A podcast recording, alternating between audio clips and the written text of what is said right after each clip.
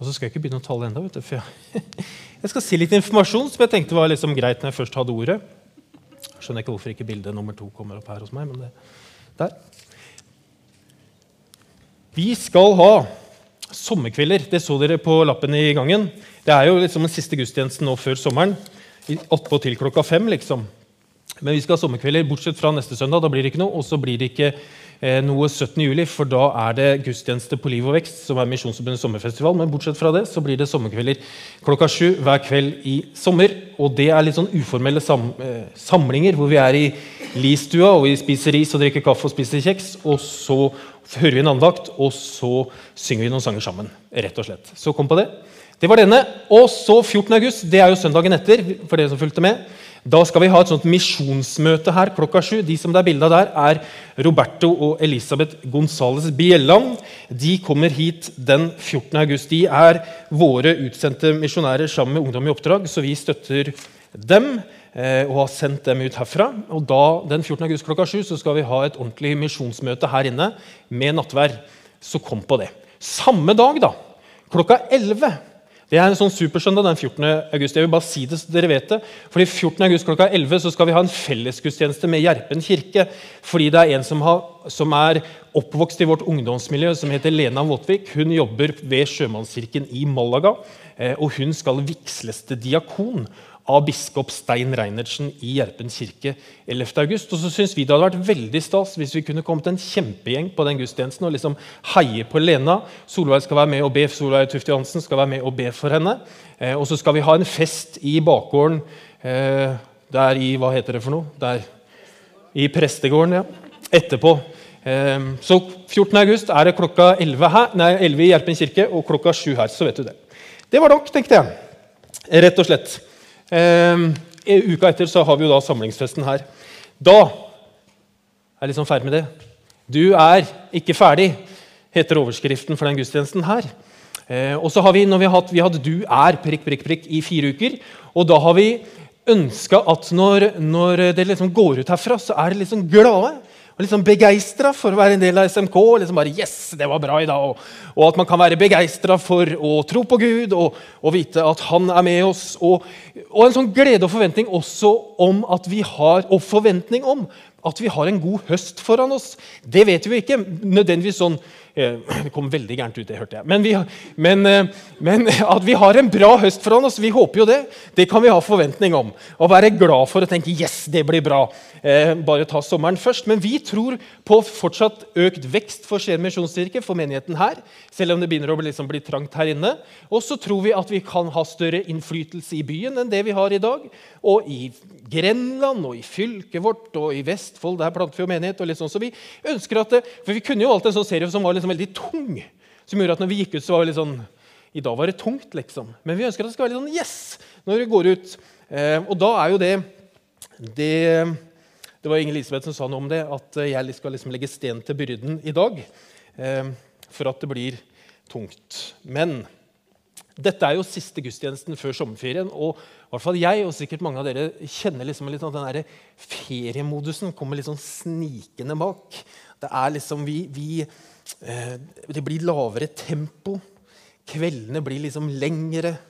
Noen som er heldige, kan sove lenger om morgenen. Eh, og så kan vi liksom drømme om mange ting, og ferier kan jo være mange ting. Det kan jo være å reise til Spania, som disse ungdommene her gjør. Det kan jo være å dra på en hytte eller ta et bad.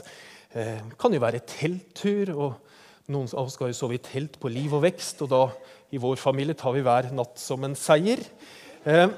Men først og fremst for meg da, så er ferie å gjøre noe annet enn det jeg pleier. Noe som er annerledes. Og det, det for meg så innebærer litt sånn latere dager. Det å være sammen med familien eh, og noen ferieturer. Men så har jeg litt sånn romantisk forhold til det med ferie.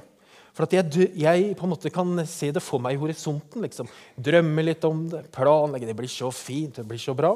Um, og ikke minst hva skal vi spise, hvor skal vi handle?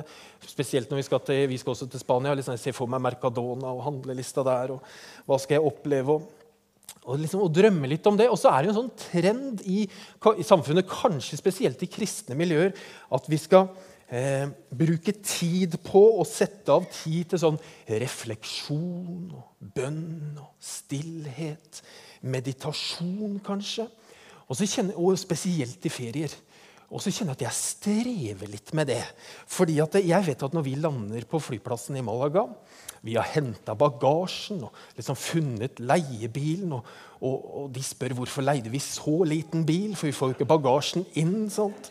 Og, og når vi endelig har liksom pakka oss selv inn i bilen og kjører ut av flyplassen og vi ser naturen, og så tenker jeg, å, så flott det er her med fin natur, og det er sol og Så hører jeg på en måte en stemme bak som sier 'Pappa, hvor er liksom holderen til iPaden?' og 'Er ikke wifi her?' liksom, Hvor er det? Og så blir liksom den idyllen, idyllen brutt. Jeg liksom tenker, kan ikke bare se ut og se på alt dette flotte? Um, og Maria ja, en veldig sånn flott kone som sier at eh, denne, på denne Spania-ferien som vi skal nå, så skal vi ha med oss minst to bøker hver som vi skal lese. Jeg bare tenker hvorfor. Det kommer jo ikke til å skje. Men vi, vi, vi skal i hvert fall starte pakkingen i morgen, og vi skal også reise på søndag litt seinere, så vi, vi, har dårlig tid. Men noe av det jeg vet, da, er at den neste uka, det er at eh, det som vil gå igjen som setning i vårt hus, er 'Du er ikke ferdig'. Du er ikke ferdig med å pakke. Du er ikke ferdig med å gjøre de siste leksene. Du er ikke ferdig med å rydde rommet ditt for ferien. Og du er i hvert fall ikke ferdig med å spise. Og hør her, vi er ikke ferdig med å snakke, vi. Det er vi ikke. Vi er ikke ferdig med det. Og så kan man jo snu på det og si nå må du være ferdig med å pakke. Nå må du være ferdig på do. Er du ikke ferdig enda? Og så tenker jeg ofte den setningen 'du er ikke ferdig' den blir ofte litt sånn negativt lada. I hvert fall litt sånn kommanderende, for man sier 'Du er ikke ferdig med å rydde rommet'. 'Du er ikke ferdig Martin, med å male huset'. Det vet jeg godt. Det er derfor jeg har liksom malingsskvetter her og ser det hver eneste dag. Og kona mi sier, Maria da, sier ofte til meg at hun tar det med sånn i spørsmål og spør er du, er du ferdig med å vaske. Eh, og så tenker jeg meg om, og så sier jeg ja. ja. Har du vaska sånn som du pleier, eller har du vaska ordentlig? Og så, og så, har jo jeg vaska sånn som jeg pleier, og det er jo ordentlig. Men, men, men, det er ikke alltid det hjemme hos oss. Og så hadde jeg håpa at i dag at vi skulle liksom gå fra dette litt sånn negative 'du er ikke ferdig' til litt mer dette svevende 'du er ikke ferdig, du'. Er ikke det flott? At vi kan liksom tenke 'du er ikke ferdig'. Og så hva kan vi si da? Du, vi kan si du, for, Hva kan vi si da? Vi kan si 'du er ikke ferdig utvikla'. Ja, Jeg vet ikke om den var så positiv. Men du kan si 'Du er ikke ferdig, du. Du har mer å gå på. Det er mer som ligger foran. Det er eh, Du er ikke ferdig, du. Det er ikke så lett med det. Men hvis vi kobler Gud foran, så blir det kanskje lettere. Så kan vi si 'Gud er ikke ferdig med deg'. Nei, Gud er ikke ferdig med deg. Gud har mye mer for deg. han. Ja, Du har sett mye i ditt liv, men Gud han har masse mer for deg. Gud har masse velsignelser som han ønsker å øse over deg. Gud har masse gaver for deg som han ønsker å gi deg. Du har sett masse med Gud, du, men Gud han vil vise deg enda mer. Fordi så lenge du har puls, så vil Gud bruke deg. Så lenge du har puls, så ønsker han å tale til deg. Og så lenge du har puls, så vil han bruke deg, for Gud er ikke ferdig med deg. Av og til så tenker jeg at vi har et sånt jag i samfunnet som jeg sa i sted, mot, mot sånn hvile og komfort. Det med balanse og velvære og velstand og det å jobbe mindre. Hadde vi bare liksom hatt seks timers u eh, Ikke uker, kanskje, men dager. Og, og vi drømmer jo, da og jeg, da, om disse harmoniske feriene i fred og harmoni. Og så, og så tenker jeg at Av og til så tenker jeg dette jaget vi har mot det, da, kan gi oss en sånn kunstig og til tider feil oppfatning om hva livet med Gud egentlig handler om. Og med det så mener jeg jo ikke det. At livet med Gud er liksom et lass av lover og regler og bud som bare lesses over oss som en sånn kjempebyrde som vi aldri blir kvitt. liksom. Det mener jeg ikke i det hele tatt.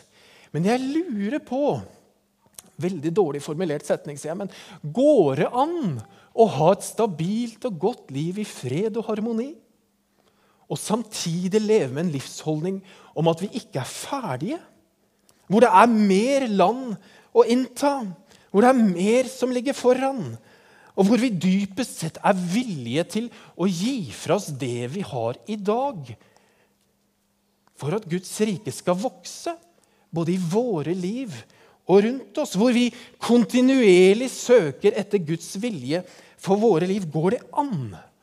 Og så lurer jeg på, Går det an å gå glipp av dette midt i en velfungerende, harmonisk, trygg og god menighet?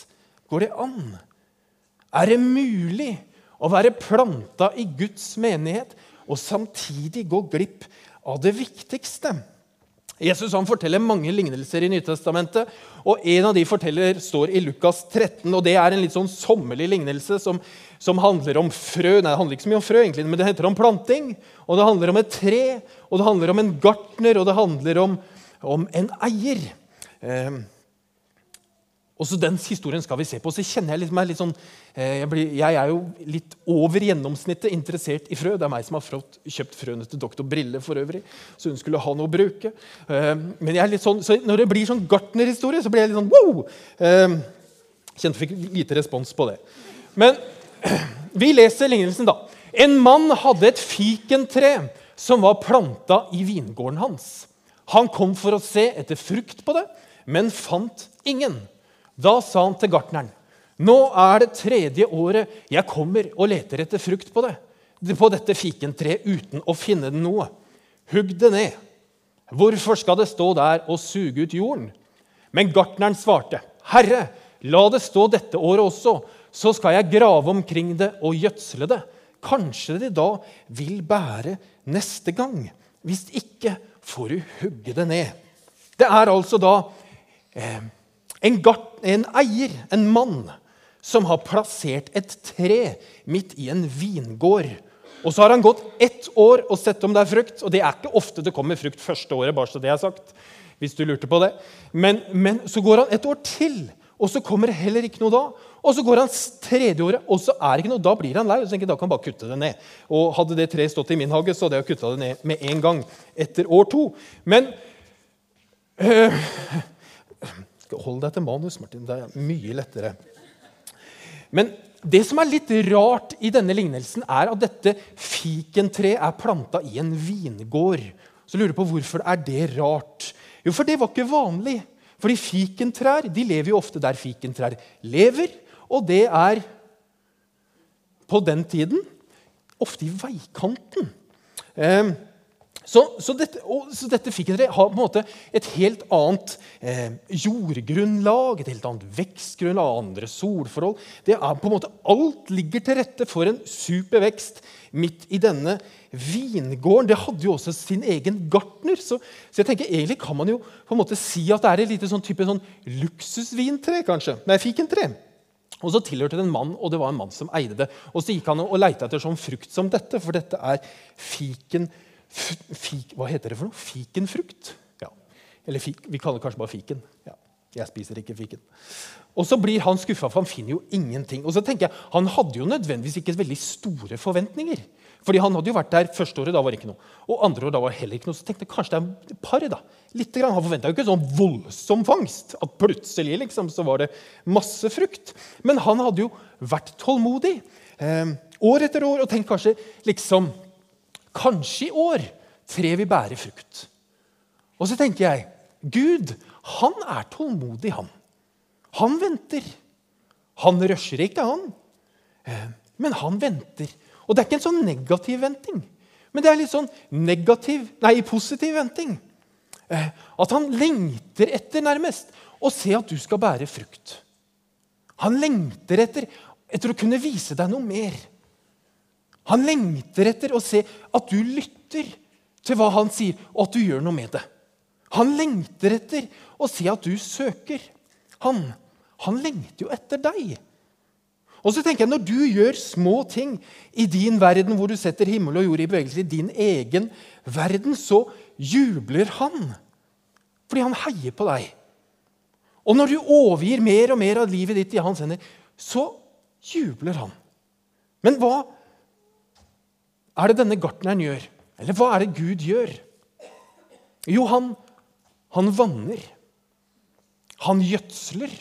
Han graver litt rundt det. Eh, han legger forholdene til rette for vekst. Han gir litt ny jord, kanskje. Og så gir han tre gode vekstvilkår. Det er jo derfor det står i denne vingården. Og så lurer jeg på Kanskje kan menigheten være også en sånn gartner? En sånn vingård? Hvor vi heier på hverandre. Hvor vi er supportere, sånn som jeg måtte bare ha et bilde av United. liksom. Eh, hvor vi er supportere og heier. Hvor vi oppmuntrer hverandre. Hvor vi støtter hverandre. Hvor vi gir omsorg. Hvor vi graver litt rundt bedet når når vi må justere hverandre. Når vi hjelper hverandre til å stå rotfesta og Dere som var her forrige hørte Kjell Birkeland snakke masse om trær. jeg skal ikke snakke så mye, men, men om disse røttene som på en måte vikla seg inn i hverandre. Eh, som gjør at vi kan holde hverandre oppe. Hvis det blir lite frukt. Og så lurer jeg på, Kan vi det? Kan vi, kan vi på en måte gå sommeren i møte og tenke vi skal stå sammen og vi skal heie på hverandre og, og støtte hverandre og oppmuntre hverandre fram til det Gud har for denne menigheten? Kan vi det? Ja, veldig aktiv gjeng, altså. Men jeg tenker også at uh, vingården i den fortellingen også kan være et bilde på oss selv. På våre liv. Og hvordan ser liksom du på deg selv? Altså, Jeg har en veldig flott hage. vet du. Der er det så bra. Det er liksom blomster, og det er trær, og der er det i hvert fall mye frukt. Det er, det er ikke et råttent eple i den hagen der.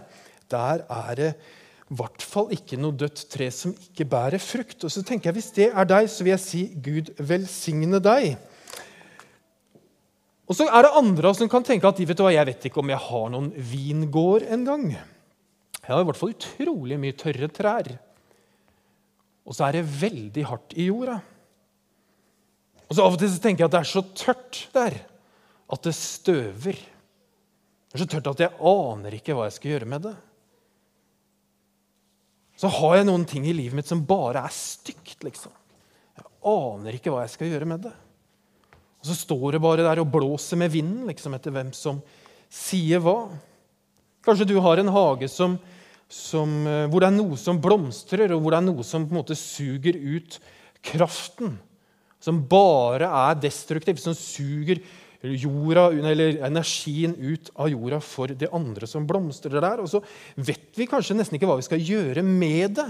Og så er vi så redde for at det som er negativt eller liksom vondt eller vanskelig i livet, at det skal påvirke de andre områdene i livet som er gode. Hvordan skal vi få det bort, liksom? Noen ganger så må vi jo rykke ting opp ved roten og kaste det på dynga. Noen ganger må vi det. Andre ganger må vi liksom kutte og beskjære litt og tynne litt, kanskje, for å få ting bort. Og så er det noen områder som vi aldri får beskjært. Som vi aldri liksom kommer til. Og som bare står der og suger ut energi og kraft i livene våre. Og Denne gartneren her, han har jo et dilemma. Og Det er jo skal jeg vente et år til eller skal jeg kutte det ned nå? Skal jeg gjødsle, pleie, gi omsorg, snakke med det kanskje, for det er jo bra for planter? Eller skal jeg avslutte arbeidet med det? Skal jeg resignere med å si at nå har du fått nok sjanser? Eh, nå gidder jeg ikke vente. Nå kutter jeg tre. Nå er det ferdig. Nå slår jeg opp. Fordi jeg lurer på, Er det liksom noen hensikt i å forsøke å holde ut når en mistrivsel kan være så stor? Når det er så tydelig at dette treet som står her i denne hagen, mistrives så veldig. Det hender jo at vi mennesker holder ut for lenge.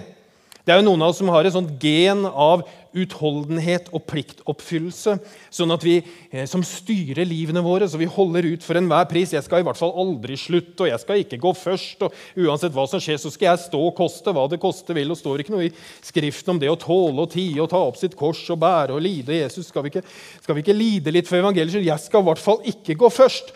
Og så tenker jeg kanskje vi av og til burde få hjelp til en sånn fornuftig resignasjon. En fornuftig avslutning for noe i livene våre som bare eh, er destruktivt for oss. Kanskje det er noen sånne områder i livet ditt som du vet at denne sommeren så må jeg slutte å gjøre det.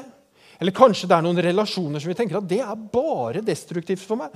Jeg må ikke gå dit. Av og til så må vi få hjelp til å stoppe for at vi ikke skal holde ut alt for enhver pris. Men, men vel så ofte så tenker jeg at vi holder ut for kort. At vi avslutter for tidlig. Vi slutter for tidlig. Vi kutter tre for tidlig. Vi resignerer for tidlig. Vi sier opp kanskje for brått, og så sier vi jo fra oss ansvaret for tidlig. For vi oppdager jo det at det som vi egentlig var spurt om, det var jo noe, viste seg å være noe helt annet. Og så blei det mange elementer inn, og så blei det komplekst. Og så blei det liksom, Skal jeg forholde meg til alt dette også nå, da? Og det var jo ikke dette jeg signa opp for. Nå, dette, dette, dette gidder jeg ikke. Og da, og da slutter vi i stedet, og så lever vi ganske godt med det alle sammen fordi vi har så mange gode unnskyldninger for hvorfor jeg ikke vil stå i noe over tid. Per Arne Dahl han har skrevet en grønn bok. og For dere som er glad i farger, så står det 'For håp'. Ehm, og han sier Gartnerens tålmodighet og omsorg er også vårt håp og grunnlaget for vårt livsmot. Han hjelper oss til å si adjø til resignasjonen og velkommen til den tålmodige reaksjon. Jeg syns det er så bra sagt. Adjø til resignasjon og velkommen til den tålmodige reaksjon. Adjø det betyr jo egentlig til Gud. Og det betyr at vi kan si adjø. At vi kan gi til Gud resignasjon, depresjon, utålmodighet. Og så kan vi ta imot tålmodighet og utholdenhet og nysgjerrighet og tanken om at jeg er ikke ferdig. Gud er ikke ferdig med meg. Det ligger mer foran. Hva forteller denne historien i Lukas 13? Det er tre ting. Eller det forteller sikkert masse, men jeg, jeg tenker den sier tre ting. Det første er at Gud ønsker faktisk at du skal vokse. Han ønsker at du skal utvikle deg. Han ønsker at du skal gro, og han ønsker at du skal bære frukt. Og så er det Gud som står bak veksten. Det er han som gjødsler, det er han som vanner. Det er han som graver litt omkring deg. Det er han som gir deg omsorg. Det er jo han som gir deg alt du trenger for å vokse. Og så til slutt så er han tålmodig. Han gir deg tid. Han gir deg den tiden du trenger.